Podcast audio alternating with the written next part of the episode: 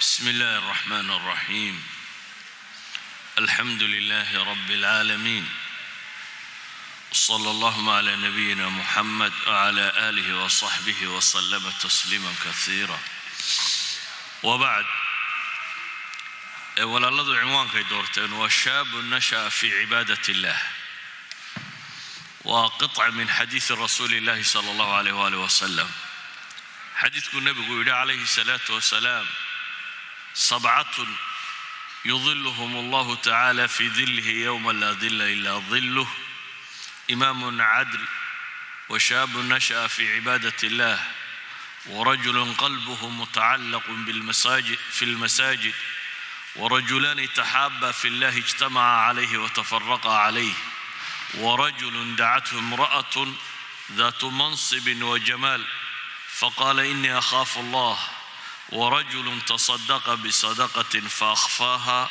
حتى لا تعلم شماله ما تنفق يمينه ورجل ذكر الله خاليا ففاضت عيناه متفق عليه xadiidka nebiga calayhi salaatu wasalaam oo tilmaamaya toddoba qof oo maalinta qiyaamaha badbaadaya dhibta qiyaamaha ka badbaadaya maalinta qiyaamuhu waa maalin dheer sida nusuusta qur'aankay tilmaamayso khamsuuna alfa sana ayaa meel la taagnaanaya. Konton kun oo sannadood oo dadka la xisaabinayo. Waa maalin dhib badan. Waa maalin dadkii hore iyo dadkii dambaba khalqiga aadam ilaa iyo ka u dambeeya laysu wada keenayo. Si liyajziya aladiina asaa'uu bima camiluu wayajziya aladiina axsanuu bilxusna si looga abaalmariyo kuwii xumaha sameeyeyna waxay galbadeen. Kuwii wanaagga sameeyeyna loogu abaalmariyo wanaag. Waa maalin ilaahay ina faray inaynu u diyaargarowno yaa ayuha annaasu itaquu rabbakum. Ina zalzalata saacati shayun cadiim. Yowma tarawnaha tadhalu kulu murdicatin cama ardacat. Watadacu kulu dati xamlin xamlaha watara annaasa sukaara wama hum bisukaara walakina cadaab allahi shadiid waa maalin ilaahay ku tilmaamayo gilgilankeedu inuu adag yahay idan maalintaasi waa maalin dhallinyaradu gabowdo ilaahay baa qur'aanka wuxuu ku leeyay fakayfa tattaquuna in kafartum yowman yajcalu lwildaana shiiba maxay idin yeeli baa ilaahay leeyay haddaad ka cabsan weydaan yacni haddaad ka gaalowdaan maalin caruurtu ay ciroolo noqoto hawlka iyo dhibta taagan. Waa maalinuu nebigu calayhi salaatu wasalaam ku tilmaamayo xadiidka saxiixu muslim ku yaalla in cadceedda la soo dhoweyn doono ilaa iyo qadar mayl u dhodhow ay iman doonto dabeetana cadceedda la soo dhoweyn doono ka miqdaari mayl. Waxauu nebigu ku tilmaamaya dadku intay dhididaan. Ayaa dhididkoodu dhulka geli doona. Dadka qaar baa dhididkoodu canqawyada u joogsanaya daad kugu noqonaya qaar buu lawiyada soo gaadhaya. Qaar buu nebigu tilmaamaya calayhi salaatu wasalaam inuu garabkiisa gaadhi doono. Qaar baa lagu tilmaamaya inuu guntigiisa gaadhi doono idan qaarna wuu hafin doonaa baa la yidhi. Waa maalinta kulaylku uu keensanaya waxaa soo dhidida waxaana dhididaysaa calaa qadri dambik. Sidaad u dambaabtay hadba intay leeg tahay. Xataa nebigu calayhi salaatu wasalaam xadiis kale saxiixayn ku yaalla wuxuu tilmaamayaa dhididkaagu inuu toddobaatan miti toddobaatan baac toddobaatan diraac dhudhun inuu dhulka hooska u geli doono qaarkoodna dadka inuu ilaa dhagaha gaadhi doono idan maalinta sidaa u hawlka iyo dhibaatada iyo mashaakilka badan leh dadku wuxuu raadin doonaa min malja meel lagu gabbado wuxuu bini aadamku raadacayn doonaa war wax la hadhsadaa ma jiraan hadhna maalintaa waxaa jira la leeyahay carsha raxmaan faqad dabeetana nebigu calayhi salaatu wasalaam wuxuu leeyahay maalintaa dadku kadeedku ku sugan yahay dadka maantaa hadhsan doona waxaa ka mida buu nebigu yihi toddoba. Dadka maantaa dhibta intaa le ka bixi doona ee iyagu hoos qabow fadhiyi doona. Ee cadceeddaa soo dhowaatay ee dadku dhididku halkaa marayo iyaga ilaahay ka badbaadinayo. Toddoba qof baa ka mida buu nebigu yihi calayhi salaatu wasalaam. Toddobadan waxaa ka mid ah imaam cadaalad sameeyey. Imaamku waa maamul ummad ninkii maamulayay ee ummaddaasi cadaalad kula dhaqmay. Ummad cidu cadaalad samaysay. Waa camal aad u weyn. Waxaa kaloo ka mid oo ninkaa la daba dhigo oo nebigu sheegaya calayhi salaatu wasalaam nin dhallinyaro ah oo ku barbaaray amase ku kobcay ama ku koray ilaahay cibaadadiisa. Waxaa kaloo uu nebigu raaciyey dad asxaabu mawaaqif ah nin qalbigiisu masaajidka ku xidhan yahay. Oo markuu jamaca hore soo tukadaba wuxuu ka warwarayaa jamacii dambe goormuu bilaabmaya. Wuxuu kaloo nebigu tilmaamay laba ilaahay dartiisu jecel oo diin iyo mabaadi'i walaalaysay. Isuna keentay kuna kala taga. Waxa uu nebigu kaloo tilmaamay qof mowqif leh oo gabadh wixii loogu xilan jiray oo dhan lihi magac iyo maamuus iyo quruxba lihi intay u yeedhay diiday oo yidhi ilaahay baan ka cabsanaya. Wuxuu kaloo nebigu tilmaamay qof keligii ilaahay intuu isu taagay ilmeeyey. Cabsi daraaddeed. Waxaa kaloo nebigu tilmaamay mid waxay midigtiisu bixiso bidixdiisu aanay ka warqabin. Waxaa midigtiisu bixiso bidixdiisu aanay ka warqabin haddaba inagu xadiidkan hal qodob baa cinwaanka inoogu jira. Shaabun nasha'a fii cibaadat illah dhallinyaro ku kortay ilaahay cibaadadiisa.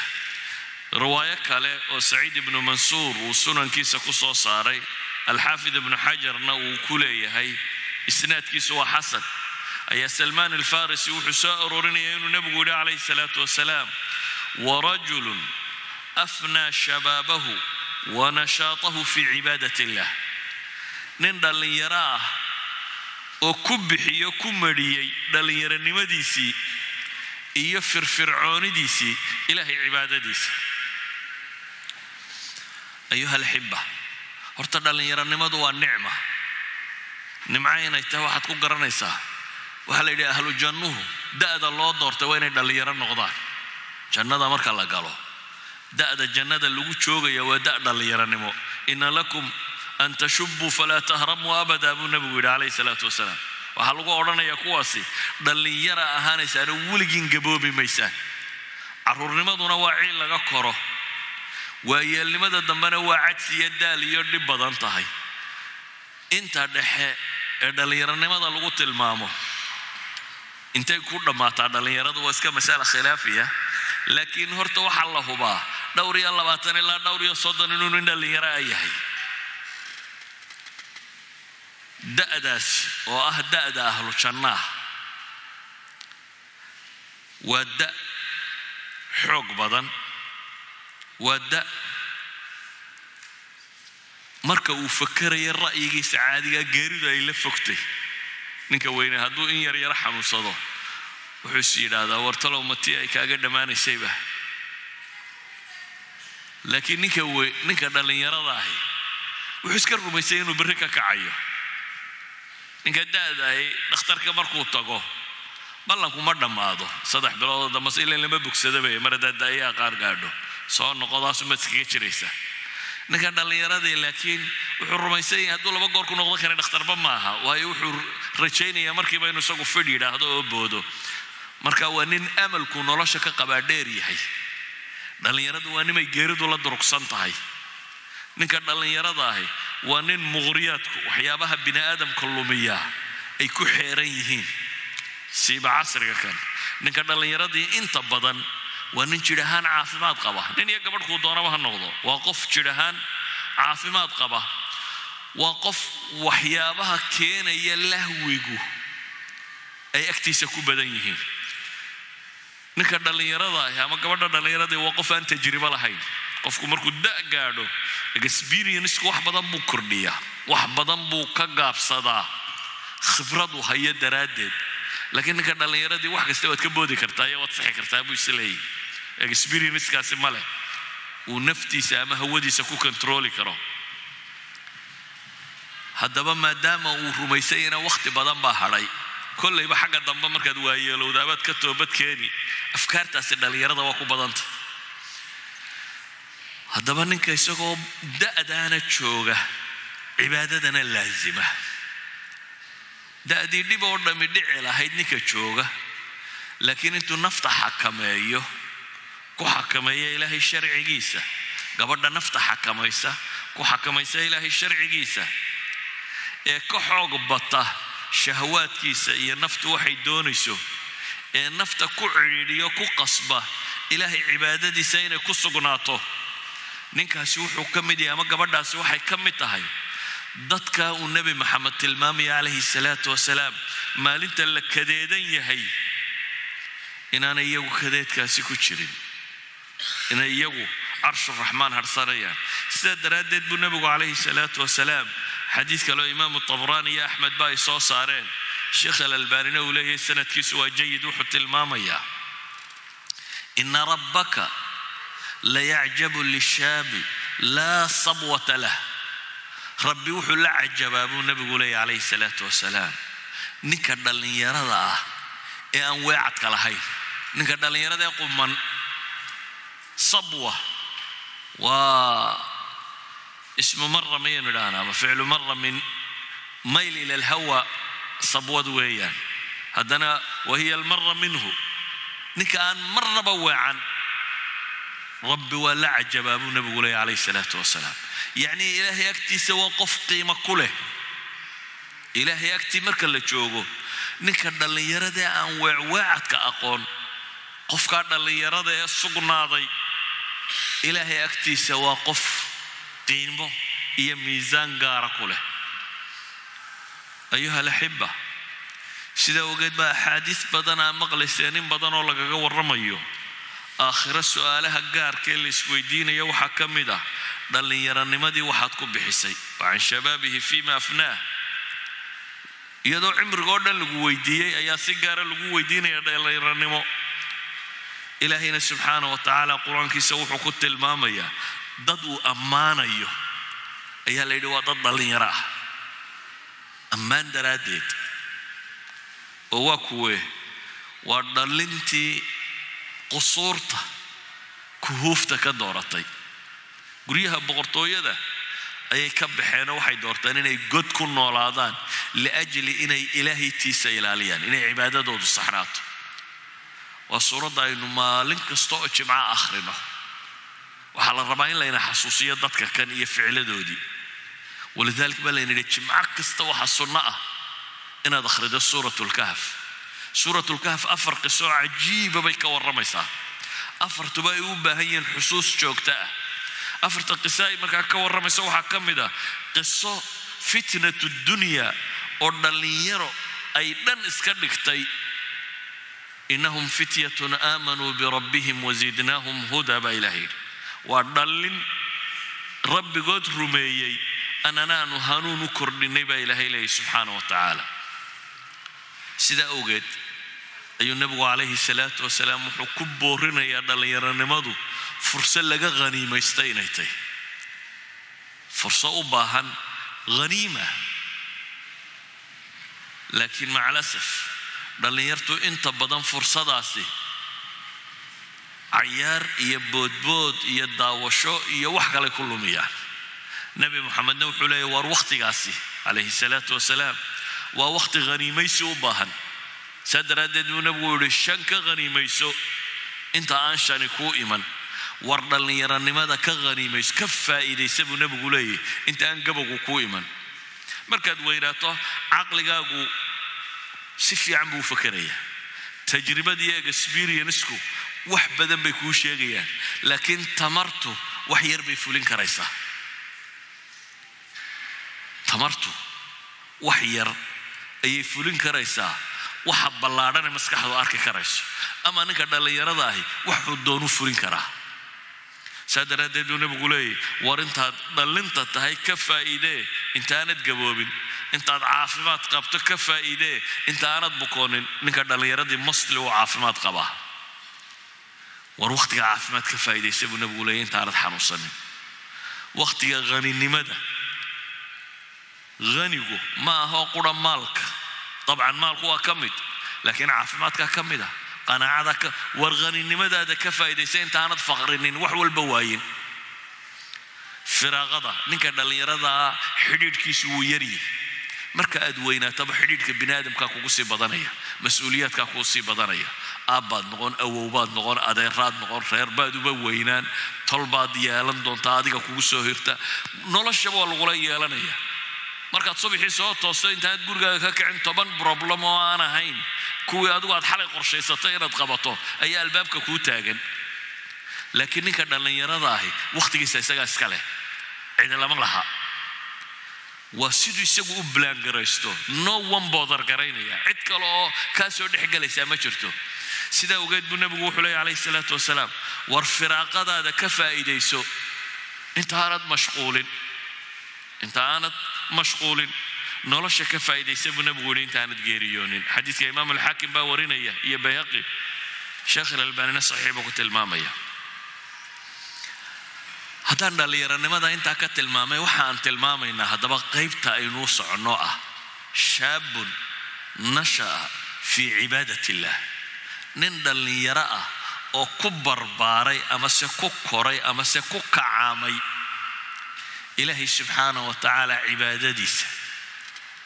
Cibaadadaynu ka rabnaa dhallinyaradu waa maxay? Ma masaajidka fadhfadhiyaba ma waxaynu rabnaa dhallinyaradu intay masaajidda gasho inaanay ka soo bixin maya. Qofka soomaaliga inta badan kaljarku wuxuu ina baray. Mafaahiimta cibaadada aynu haysanaa inay inta badan ku eg tahay. Salaada iyo qur'aan akhriska iyo wardiga waa ka mid. Waa cibaadada kuwa waaweyn bay ku jiraan. Laakiin qasarn intaasaynu ku soo koobnay. Kaa maaha ilaahay qur'aanka wuxuu ku leeyahay qul ina salaatii wa nusuki wa maxyaaya ومماتي لله رب العالمين لا شريك له وبذلك أمرت وأنا أول المسلمين نبي محمد با إلهي وحكولي عليه الصلاة والسلام وحط الأهضاء أنا الصلاة دايدو عبادة محضة نص قيقو قورعة أما عبادات كودنبا noloshayda maxyaaya noloshayda dhammaanteed geeridayda waxaan u dhimanaya waxaan nafta u bixinayaba dhammaantood ilaahay baa iska leh. Macnaheedu waa maxay? Qofka muslimkii noloshoo dhan cibaadu ka dhigi karaa hadduu xagga alle ula qastiyo. Hadduu wixii inxiraafa wixii qallooc iyo dembiya ka ilaaliyo. Inta kalena uu niyasan kula yimaado waa cibaada noloshaydiiyo wuxoo dhan cidna laa shariika lahu wabidalika umirtu wa ana min almuslimiin wa ana awalu lmuslimiin cidna ilaah la wadaajin maayo. Macnaheedu muxuu yihi aan xadiidka kale riwaayaad kale gedisan ku soo arooray qaar saxiixaynka ku yaalin bal riwaayadda muslimaan tilmaamno. Abidar baa wuxuu yidhi nabiga calayhi salaatu wasalaam saxaabadiisii qaar ka mida u yimi weliba waxaa la yidhaahdaa kuwii aan waxba haysan bay ahaayeen. Dabeetana waxay yidhaahdeen dahaba ahlu duhuuri bilujuur. Ilaahay rasuulkiisiiyow ajarkiiba waxaa la tegay kuwii xoolaha lahaa oo say ula tageen. Way sheegteeno waxay yidhaahdeen way tukadaan sidaanu u tukanno way soomaan sidaanu u soonno dee lacagna way haystaanoo wixii khayr iyo sadaqo oo dhan bay ku bixinayaan lacagtooda dheeraadka. Annana agtayda lacagtii ma taallo. Marka waxay leeyihiin nimankana ajarkii iyagaa badsaday. Xal ha la keeno. Nabigu calayhi salaatu wasalaam wuxuu ku yidhi oo idinku waxaa sadaqadaysataan miyadan haysanin? Wuxuu barayaa nebigu sadaqadu inaanay maal qura ahayn. Saa daraaddeed wuxuu yidhi idinku waxaa sadaqadaysataan miyadan haysanin wuxuu nabigu yidhi war hadda subxaan allah kastoo aad tidhaahdaan waa sadaqo. Allahu akbar kastoo aad tidhaahdaan waa sadaqo. Alxamdu lilah kastoo aad tidhaahdaan waa sadaqo. Kuwaasi waa dhan oo ninka xoolaha le intuu xoolaha ka shaqaynaya xisaabinaya mashquulsan yahay adigoo iska wardayi kartaa. Ma intaad meel fadhiisataa baad wardayaysa may adoo shaqadaada haysta adoo beertaada qodayaad subxaan allah iyo alxamdulilah adaba wadaysa. Adoo gaadhigaaga wataad subxaan allah iyo alxamdulilah ada odhanaysaa laakiin inagaa mafhuumka inugu soo koobmay baa wuxuu yahay subxaan allahda iyo waxaa la xasuustaa marka la tukado. Marka la tukadaa dadkao dhami subxaan allah subxaan allah subxaan allah wada odhan. Waqtigaasaynu xasuusanaa subxaan allahda waxaynu xasuusanaa markaad tidhaahdo wardi war bal tusbixii mee. Laakiin waxay ahayd qofka muslimka ahi noloshiisa war carabkaagu ilaahay dikrigiisa yuu ka engegin buu nebigu yidhi. Carabkaagu ilaahay xuskiisa yuu ka engegin haddaad gaadhi waddo haddaad shaqaynayso haddaad ordayso haddaad lugaynayso waad iska wardiyi kartaa wardigaasi wayse uma baahna oo waqti uma baahna oo tahaaro gaara uma baahna oo waxba kaagama baahna. Waa cibaada uu qofku mar kasta samayn karo isagoo shaqadiisa wata. Haddana wuxuu nebigu ku yidhi calayhi salaatu wasalaam dadkoo aa wanaagga u sheegtaana waa sadaqo. Qofka dadka tala fiican u sheegaya cilmi u sheegaya ra'yi lagu guulaysta u sheegaya meel wanaagsan u hagaya macruufku lama soo koobin macruuf waa wax allaaliya wixii sama ah wixii adduuniya aakhira midun wax ka tara. Qofka intaa dadka u sheega hadday tala tahay hadday cilmi tahay mid adduuniya mid aakhiro kuu doonayaba ha noqdo. Haddaad dadka u sheegto waa sadaqaa la yidhi waxaa la mid a haddaad dadka xumaha uga digto. Mid aakhiriya mid adduunyaba. Wixii dadka mahlaka iyo dhib ku haya haddaad uga digto. Nebigu calayhi salaatu wasalaam intuu soo waday ayuu wuxuu soo gaadhsiiyey. War hadda haweentaada haddaad u galmootana waa sadaqa buu nebigu yidhi. Bal u fiirso. Yani nebigu wuxuu tilmaamaya calayhi salaatu wasalaam waxyaabaha bini aadamku uu brivatka u haystay uu isleeyay malaa dee cid kale kugulama lahaa xataa taasi inay cibaado noqon karta wiilka iyo gabadha isqaba ama labada qofe xalaasha isu ahay sariirtay wada tagaan sadaqay noqonaysaa haddii niyada san iyo sharcigu wuxuu jideeyey ay tahay waa cibaada saxaabadii foqorada ahaydee dee awal lacagta ka ashtakoonaysay way yaabeenoo waxay idhaahdeen ooma nin baa intuu reerkiisa u tago haddana ajar loogu darayaa bay idhaahdeen yani intuu shahwadiisa iska guto ayuu haddana ajar helayaa wuxuu nebigu ku yidhi oo hadduu xaaraan sameeyo muxuu heli lahaa miyaanu dembi heleen yacni wax kastoo aad dembi ku heli lahayd cagsigeedoo khayra haddaad la timaado ajar baad ku helaysaa weeyaan taa macnaheedu waxa weeyaan uu nebigu inoo tilmaamaya marka la leeyahay shaabun nasha'a fii cibaadat illaah macnaheedu waxa weeyaan waa qof dhallinyaro ah oo inxiraafaadka iska ilaaliyay waxa kale wanaaga uu samaynayana ilaahay ula qastiyey. Xogsigaad arsaaq xalaala xoogsanaysaa. Ajar baad ku heli kartaa haddaad niyasan la timaado. Xadiis kaloo nebiga calayhi salaatu wasalaam imaam tabraaniya uu soo saaray iyo hayrkiiba sheekh alalbaanina uu saxiix ku tilmaamayo saxiix ligayri kacb ibnu cujra saxaabiga la yidhahdaa wuxuu yidhi nebiga calayhi salaatu wasalaam baa nin soo maray markaasay saxaabadii arkeen min jaladihi wa nashaatihi bay ka yaabeen. Nin muruqya goostay oo xooggan oo caafimaad qaba nin digdigtu ay ka muuqataa meesha soo maray. Dabeetana waxay yidhaahdeen yaa rasuul allahi low kaana hada fi sabiili illah ilaahay rasuulkiisiiyow waxaasoo xoog iyo raganimo ahi fiicnaan lahayde hadday ilaahay jidkiisa ku bixiyo saxaabadani waxay ka fikerayaan ninkani wuxuu xoog iyo murqiya haysto. Hadduu ku jihaatami lahaa nin raga inuu noqon lahaa.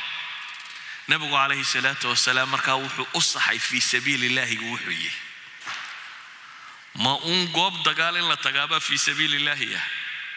Nabigu wuxuu yihi calayhi salaatu wasalaam in kaana kharaja yascaa calaa waladihi sigaaran fa huwa fii sabiili illah hadduu u soo baxay buu nebigu yidhi carruur yaryaroo uu dhalay. Inuu dee arsaaqdoodii raadceeyo hadduu u soo baxay ilaahay jidkiisii buu ku jiraa buu nebigu yidhi. U fiirsa hadda. Caruurtuu dhalay hadduu u soo xoogsi tegay buu nebigu leeya xoogsi xaraana uu rabo kuwa inuu cifadooda iyo wanaaggooda ka shaqeeyo. Fa huwa fii sabiili illahi buu nebigu yidhi. Wain kaana kharaja yascaa calaa abawayni shaykhayni kabiirayni fahuwa fii sabiili illah hadduu u soo xoogsi tegay buu nebigu leeyahay laba waalid oo gebgaboobay inuu dar yeelana ilaahay jidkiisii buu ku sugan yahay. Wain kaana kharaj yascaa calaa nafsihi yacifuha fahuwa fii sabiili illah war hadduu soo baxay buu nebigu yidhi cidna korin maayo tiisuu korinayaa naftiisa. Inuu ka ilaaliyo xumaha oo uu khayrka ku sugo oo cibaadaysto oo taa xoogsigeeda uu u soo kacay fa huwa fii sabiili illahi buu nebigu yidhi. Ilahay jidkiisuu ku sugan yahay. Wain kaana kharaja yascaa riyaa'an wa mufaakharatan fa huwa fii sabiili shaytaan. Hadduu u soo baxay dhoolatus buu nebigu leeyahy iyo faanfaan. Dhallinyaradu marmarba intay garan yaroo gacmo gaaban markuu jidhka dhisto cabaar garan yaroo gacmo gaaban xidha iyo surwaal yaroo ku dhegan ayuu meelaha marmaraa isagoo muujinaya sida uu fidka u yahay ama u murqiyo goostay. Nebigu markaa wuxuu yidhi hadduu wuxuu u soo baxay ay tahay. Faanfaan iyo ismuujin. Markaana sabiilu shaytaan buu ku jiraa buu nebigu yidhi. Jidka shaytaan ku wadaa idan meesha xadiidkani muxuu tilmaamayaa. Waxa uu tilmaamayaa qofku wax kasta oo sharcigu baneeyey oo xalaala hadduu qabanayo niyo saalixa isagoo wata inuu ajar helayo idan markaynu leenahay ninka dhallinyaradaee cibaadada ku koray ma aha macnaheedu nin dhallinyaro masaajidka fadhiyo aan ka soo bixin oo nolosha kale ka hadhay? Hadhowna sooshiyaalka wax soo weydiista. Kaa kama warramayno. Waxaan ka warramaynaa nin dhallinyaro ah oo xoogsada oo tukada oo waxbarta oo waalidkii u khidmeeya oo nolosha wuxuu qaban karoo dhan qabta oo dadka hanuuniya oo khayrka horseeda oo ka shaqeeya wixii wanaaga oo aan xumaha u weecaninu markaynu dhahno fii cibaadat illaahi buu qofkani ku koray. Waxaan leenahay waa qof nolosha adduun effective ku ah waxqabad ku leh activity leh. Laakiin activitygiisiyo wuxuu qabanaya ay tahay wax sharciga waafaqsan. Waa qof xumaha ka guuray oo samaha dhankiisa u guuray haddaba ninka dhallinyarada ah ee ilaahay subxaana wa tacaala acmaashaas uu ban waafajiyo ee jeclaysiiyo ee rabbi necbaysiiyo xumaha iyo faasiqnimada oo loogu gargaaro inuu waxaa wanaagsan sameeyo.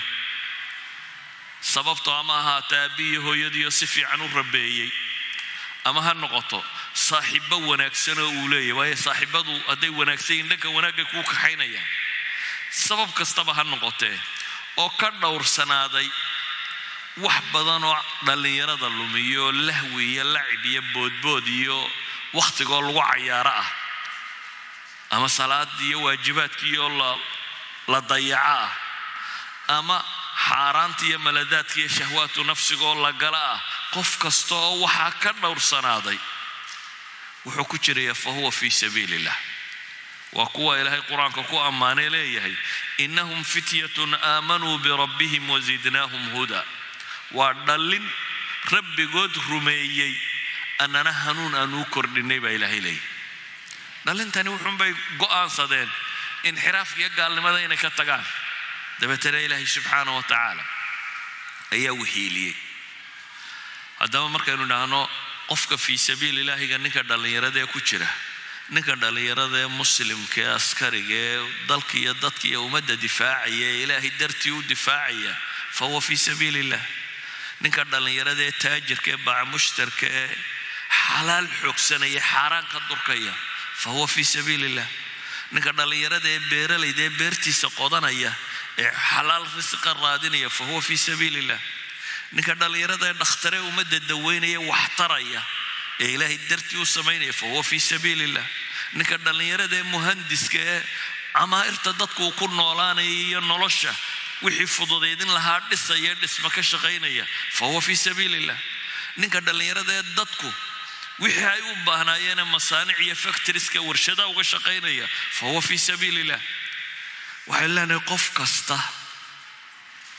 oo xooggiisa iyo carabkiisa iyo qalbigiisa khayr ku wada waayo acmaasha aynu qabannaa waa intaa mid uun. Imaa inay tahay camal qalbiya waxa la rumaynayo cidda la tala saaranayo. Acmaasha qulubta inaad wanaag noqoto inta xumaanaad ka boodo. Acmaasha qulubbaa acmaalba qalbiga degta xuma ah isla weyni kibir dadkoo la yaso. Waxaasoo dhammi waa acmaal qalbiyeed. Acmaalba qalbiga gasho ah naxariis tawaaduc dadkoo la cafiyo qofkoo naxariis bata waxaasoo dhammi waa acmaal qalbi. Acmaal qalbi oo kale waxaa ilaahay oo la weynayo rasuulkiisa oo la weynayo calayhi salaatu wasalaam. Waxaa ka mida acmaasha lisaanka carabka acmaasha ka soo fusha oo ah inaad wardido inaad qur'aan akhrido inaad samaha sheegto inaad cilmiga dadka bartid mid adduunya mid aakhira kuu doona ahaado wax dadka anfacaya inaad bartid waa wax carabka lagaga shaqaysto waxaa ka mid ah acmaal jidhka laga qabto salaad la tukado jihaad la galo acmaasha jidhka laga sameeyo o dhan waxaa ka mid ah acmaal maalka gasha xoolo la sadaqeeyo lala baxo ilaahay dartii loola baxo.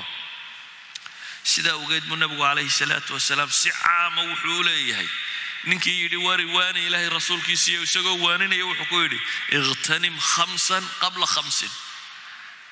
Shan shan horteed ka faa'iidayso waa xadiidkaynu soo sheegnay. Sidaa awgeed buu nabigu calayhi salaatu wasalaam u tilmaamaya ninka dhallinyarada ee dhaqankiisu kaa noqdaa inuu yahay qof ilaahay subxaanahu wa tacaala uu la yaabo siduu u dhowrsanaaday u wanaagsanaaday waa dhallinyarada kuwa ilaahay qur'aankiisa ku tilmaamay naxnu naqusu calayka naba'ahum bilxaq inahum fitya baa ilahay yidhi warkoodoo dhaban kuu sheegayaa baa ilaahay yidhi niman dhallinyaro ah bay ahaayeen maxay idhaahdeen nimankaa dhallinyarada ahi faqaaluu rabbuna rabu الsamaawaati walardi lan nadcuwa min dunihi ilaha laqad qulnaa idan shatata ilaahayna wuxuu ku abaalmariyey fa'wuu ila alkahf yanshur lakum rabukum min raxmatih wayuhayi lakum min amrikum mirfaqa maxaa ka qurux badan dhallinyaranimo iyo cibaado laysla helo maxaa ka qurux badan dhallinyaranimo iyo wanaag laysla helo qofkoo dhallinyar ah oo qof qumman ah qof kibray oo boodboodaya aan ahayna qof xaqa u taagana nebi ibraahim isagoo dhallinyaraa buu tolkii oo dhan ka hor yimi. Asnaamtiiyo waxay caabudayeen. Waa kuwii lahaa qaaluu samicnaa fatan yadkuruhum yuqaalu lahu ibraahim waxaanu maqalnay wiil dhallinyaro asnaamtan iyo waxa kan ka warramaya burburintooda. U badheedhay xataa in la gubo. Ilaahayna uu leeyahy waxaanu qulnaa yaa naaru kunii bardan wa salaaman calaa ibraahim ayuha alaxiba xadiidka kani marka uu ka warramayay acmaasha inta badan acmaasha kale waa la xadiday. Toddobadan la yidhi waxay hadhsanayaan carshuraxmaanka acmaashooda kuwa kale waa la xadiday. Mid cadaalad quraa lagu xadiday mid dhowrsanaan zine uu ka dhowrsadaa lagu xadiday mid mowqafa inuu ilmeeyo markuu ilaahay xusayaa lagu xadiday mid waxa lagu xadiday xoolo bixin quraa lagu xadiday qaar waxa lagu xadiday jacayl baa lagu xadiday. Amaa markii ninka dhallinyaradaa laga warramayay xadba looma yeelin isaga. Nashaa fii cibaadat illaahi baa la yidhi. Ayi mowqifuu istaagaa isagu wuu keensanayaa meesha tan. Idan dadka kaleo dhan mawaaqiftoodu mawaaqif go-an inay qaataan baa la xadiday. Amaa ninka dhallinyarada waxaa la yidhi cumuuman nasha'a fii cibaadat illah nasha'a fii cibaadat illaahi waxay noqon kartaa inuu imaam caadila noqdo. Waxay noqon kartaa inuu kaa indhihiisu ilmeeyaanu noqdo. Wuxuu noqon kartaa kan wax sadaqadaysanaya inuu noqdo. Wuxuu noqon karaa kan zinada iska ilaalinaya inuu noqdo. Wuxuu noqon karaa intanba midaan ahayn. Oo cibaadaadkii kala samaynaya. Isaga markaa looma qaydin. Waa biduuni xad. Mujarad inuu ku jiro uun wax cibaado ah ayuunbaa isaga loo go'aamiyey. Saasuu isagu ku helayaa baa la yidhi inuu hadhsado carshuraxmaan dee diintan islaamkaana haddaad dib ugu noqotaan raggii xambaaray ee bariya galbeedba ka riday ee cid walba ka is hortaagay ee faafiye dunida gaadhsiiyey hadda dhallinyaray ahaayeen ama se u badnaayeen dee nebi maxamed ba afartan jir baa loogu waxyooday saxaabadiisuna way ka yaryaraayeen abibakar saddex sano ka sii yaraa cumar dhowr iyo labaatan jir buu ahaa. Sacad dhowr iyo toban jir buu ahaa. Caliy ibnu abi aalib dhowr iyo toban jir buu ahaa. Mucaad ibnu jabal dhowr iyo toban jir buu ahaa. Zayd ibnu saabit dhowr iyo toban jir buu ahaa. Alarqam ibnu alarqam dhowr iyo toban jir buu ahaa. Haddaan tirina saxaabada intii dhalinta ahayd iyo inta kale? Waxaan is leeyahay wax badan waxa badan intii dhalinta ahayd dhowr iyo toban dhowr iyo labaatan. Bale waxaa yaraa ragga soddon gaadha waxaa yaraa abibakar iyo waxoogaa yaroo kale ayaa soddon jirada soo gaadhayay.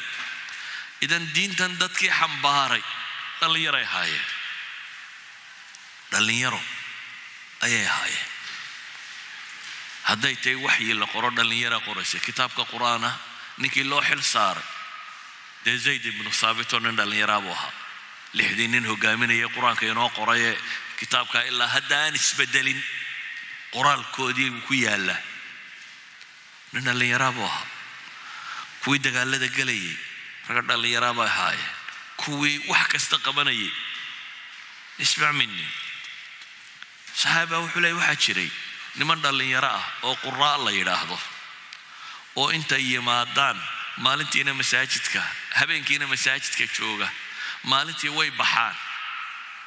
Biyay soo keenaan oo dadka masaajidkay u soo dhigaan si loogu weysaysto. Way baxaan way soo xaabaystaan. Dabeetana way soo iibiyaan. Xaabadaa markay iibiyaan wixii ay ka helaan bay cunno soo siiyaan. Ahlu sufaa masaajidka u keenaan. Xawaalay sabciin dhallinyaro ka mid a habeenku waa cibaadaysanayaan nabiga calayh salaatu wasalaam waxbay ka baranayaan dadka masaakiinta ah ee ahlu sufaa bay caawinayaan muslim kale masaajid ku tukada bay axsaan u samaynayaan. Yacni xoog furan waa dhallinyaro maxay? Xoog furan. Waxay ahaayeen mawaatintii nebigu calayhi salaatu wasalaam uu istaagay oo dhammay raggii dhinac socday dhallinyaro cabaadaladu maxay ahaayeen? Ibnu cabaas ibnu cumar cabdillahi ibnu camar dhallinyaro ibnu cumar waa kale kuna fi zamani rasuuli llahi sal ly slm nanaamu fi lmasjid wanaqiilu fiihi wanaxnu shabaab annagu dhallinyaraa baanu aynu guryaba inaanay lahay inay masaajidka iska seexan jireen buu tilmaamaya ibnu cumar masaajidkaanu inagu seexan jirnay buu leeyahy waa kuwa lagu tilmaamayo shabaab min alansaar toddobaatan ahi oo alquraa lo odhan jiray inay masaajidka joogi jireen oo maalintiina ay shaqooyinkaa qaban jireen habeenkiina ay nimankaa cibaadaysta ahaan jireen dadkana taageera ay ahaayeen. Idan dhallinyaradu laba cilay leedoo labadaasaan idinka degaya ku gabagabaynaya. Laba cilo ayaa jira. Laba xanuun oo ay u baahan yihiin dadka dhallinyarada inay iska ilaaliyaan. Xanuun dadku inta badan wuu yaqaanaa waa suuqgalka waa inuu ninku tasayub xumaha si fudud baa loo bilaabaa. Inta badan one step. Maanta sigaarka la tijaabiya saddex casha markaad isku qasabto maalin afraadana sigaar yacan baad noqonaysaa.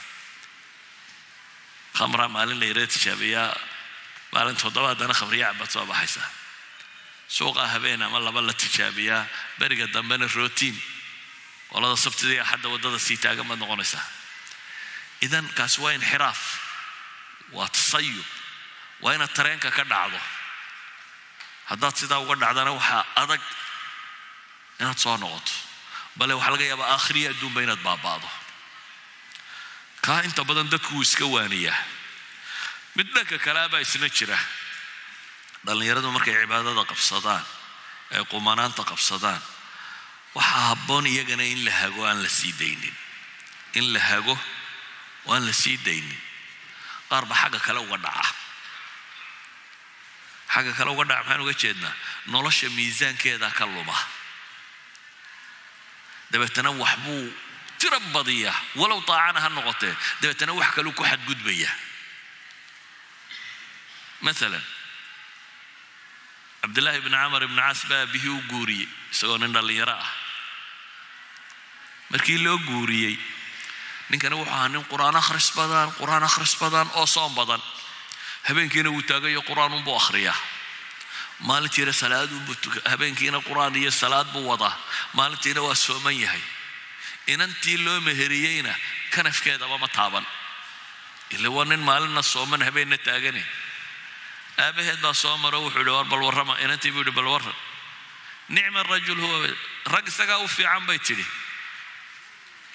mase arag macnaha bay u tilmaamtay u guud marta ragna waa u fiican yo xumo ku sheegi maayo oo ninkaas soomane salaadaya ee dee cibaado u taagan reerna ma oga unbaa la leeyahay dabeetana nebigu uu sheegay nebiga calayhi salaatu wasalaam uu yeedhay waxaa la yidhi sanaad ku wadaa sax maaha qur'aanka intaad ku akhridaa dee waa habeen kasta waan kaga tuuraa buu le waa dhammeeya kadaa baa la yidhi bishii mar dhammee qur'aanka markaasuu yidhi maya waan ka xoog badnay. Iiddaa ilaahay rasuulkiisiiyo xooggayga aan ka faa'iidayste haddaad dhowr iyo tobankii casho dhamme baa la yidhi ma ilaahay rasuulkiisiiyo iiddaa waa xoog badnay aan ka faa'iidayste toddobaadkii mar dhamme me waa xoog badnay aan ka faa'iidaysto war bal saddexdii casho mar dhamme baa la yidhi me waan xoog bad war halkaa lama dhaafo buu nabigu yidhi. Saddex casho lama dhaafee ka joog. Waxaa lagu yidhi war maanan soomaa waanan afuraa. Den waxaa loo tilmaamay right wayga isagoo soon iyo salaad iyo qur'aan akhris ku jiraa waxaa loo sheegayaa xuquuq kale inay luntay. Maaha soon iyo salaad inay xuquuqda kale lumiso. Salmaan alfarasi ayaa ninkii lala walaaleeyay abudarda abu ayub alansaariy mise abudarda ayuu la seexday. Habeen buu u yimi. Dabeetana waxaa arkay xaaskiisiiyo maryo iska kuwii lagu shaqayn jiray iska sidata dee gabadh la qababa aan u ekayn. Maxaa dhacay buu yidhi. Waxay tidhi walaalka adduunyo dankama leh. Aakhiru ku mashquulsan iyo meel kale. Habeenkiibuu la seexda in yarba markii la jiifuu soo booday saxaabigii.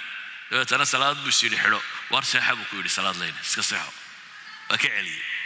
Abaan markii la jooguu soo booday waar seexa buu ku yidhi waa seexiyey. Goor dambe ayuu yidhi kac iminka waa la tukada. Dabeetana wuxuu ku yidhi war dhegayso naftaaduna xaq bay kugu leedahay. Cidi kuma odhan habeen oo dhan soo jeeday habeenkii nafta u raaxee ina ilaahay caabud naftu xaq bay kugu leedahay. Ilaahayna xaq buu kugu leeyahy reerkaaguna xaq bay kugu leeyihiin buu tilmaamay. Waxan waa xuquuq mid walba lagaa raba inaad gudbiso. Subxii baa loo sheegay nabiga calayhi salaatu wasalaam salmaan run buu sheegay buu leeyahy sidaa uu salmaan sheegaa saxa waxaan uga dan leeyahay dhallinyarada xagga cibaadada timaadaana. Tatarufkan kale ku dhacaan inuu yidhahdo anigu tacliintii baan iska daynaya waxba baran maayo. Meel lagu xoogsi tegi maayo naaga qaawan baa meelo heer marmara maxaad qaban dabeetana? Sooshiyaalkaad baryaysaa dabeetana masaajidkaad dhex fadhiyaysaa hada laysa bidiin. Wax saxa maaha wax saxa maaha. Cibaadayso sax. Salaadaada ilaasho soonkaaga ilaasho been ha sheegin run sheeg. Cibaadayso laakiin nolosha iyo actifitigeedana waa cibaado kale ka qayb qaado waalidkaa u samafal mujtamacaaga u samafal dadka wax u qabo idan waxaan leenahay ku soo koobaya wakhtigayga waa iska dhammaad baan filayaaye shaabun nasha'a fii cibaadat illaahi baa ammaanan laakiin labada tataruf midna diinta kuma ammaana inaad noloshoo dhan one sided ka dhigto oo noloshoo dhan aad si qura u aragto nolosha waa laynagu itixaamay ibtilaa ibtilaaga dhammaantii inaad gashaabaa loogu talagalay. Ee anugu waxaan ku jirayaa uun halka kani sax maaha. Saa awgeed waxaanu leenahay dadka ammaanani waa dhallinyarada ilaahay caabuda ee aakhiro ammaantaa leh. Cibaadadoodaasi dadka kale toddobada mawaaqif baa loo sugaya iyaga mowqif gaara looma sugana cibaadadooda mutlaq baa laga dhigay. Waxaa cibaadadooda mutlaq looga dhigay baynu leenahay inay noloshoo dhan ilaahay u hogaamiyaan labada darafba waa xun yihiin markaa inaad darafkaa cibaadada uga dhacdo tataruf u baxdid iyo inaad darafkaa kale uga dhacdo. Tatarufka waxaa sababaana qofka dhallinyarado isagu iscajabiyo isku filaada oo aan weydiinin dadka ahlu cilmiga aqoonta dhaame agtiisa jooga. Aan wax weydiinin waayo way hagi lahaayeen. Waxa saxa ah. Sala allahuma calaa muxamedin wcala alihi wasaxbi wasalam walxamdu lilahi rabbi alcaalamiin